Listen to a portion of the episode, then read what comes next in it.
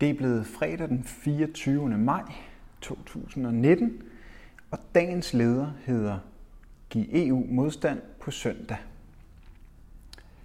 Hvis én ting står mejslet fast i granit efter de sidste ugers valgkamp, er det, at man som EU-modstander kun har ét sted at sætte sit kryds ved valget på søndag.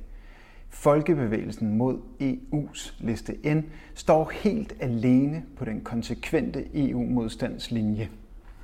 Det vil derfor også være et alvorligt tilbageslag for alle EU-modstandere, hvis Folkebevægelsen ikke genvinder sit mandat i EU-parlamentet.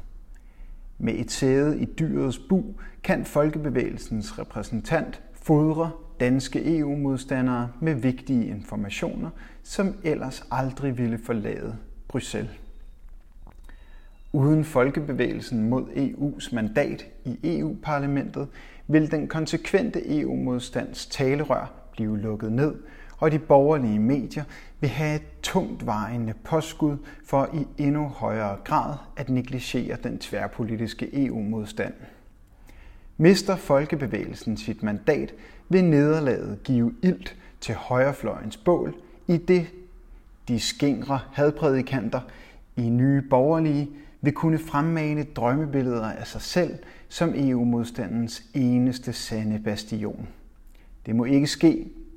Den brede EU-modstand må for alt i verden ikke tabes på gulvet, men må styrkes, så den også i fremtiden kan sikre EU-debatten mod at skride ud og blive nationalchauvinistisk og fremmedfjendsk.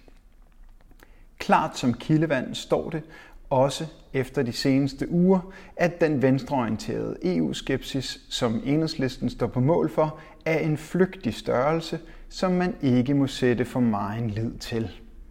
Herfra skal opfordringen derfor lyde, gem krydset ved enhedslisten til folketingsvalget, for på søndag at være med til at sikre, at den brede tværpolitiske EU-modstand også de næste fem år vil have en stemme i debatten.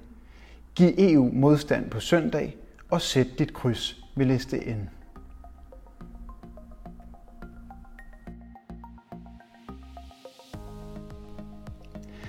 Du har lyttet til dagens leder fra Arbejderen. Abonner på vores podcast på iTunes, eller hvor du ellers hører dine podcasts. Du kan også klikke ind forbi arbejderen.dk for meget mere journalistisk indhold. Du er også velkommen til at følge Arbejderen på Facebook, Instagram og Twitter, samt tilmelde dig Arbejderens daglige opdatering på Messenger.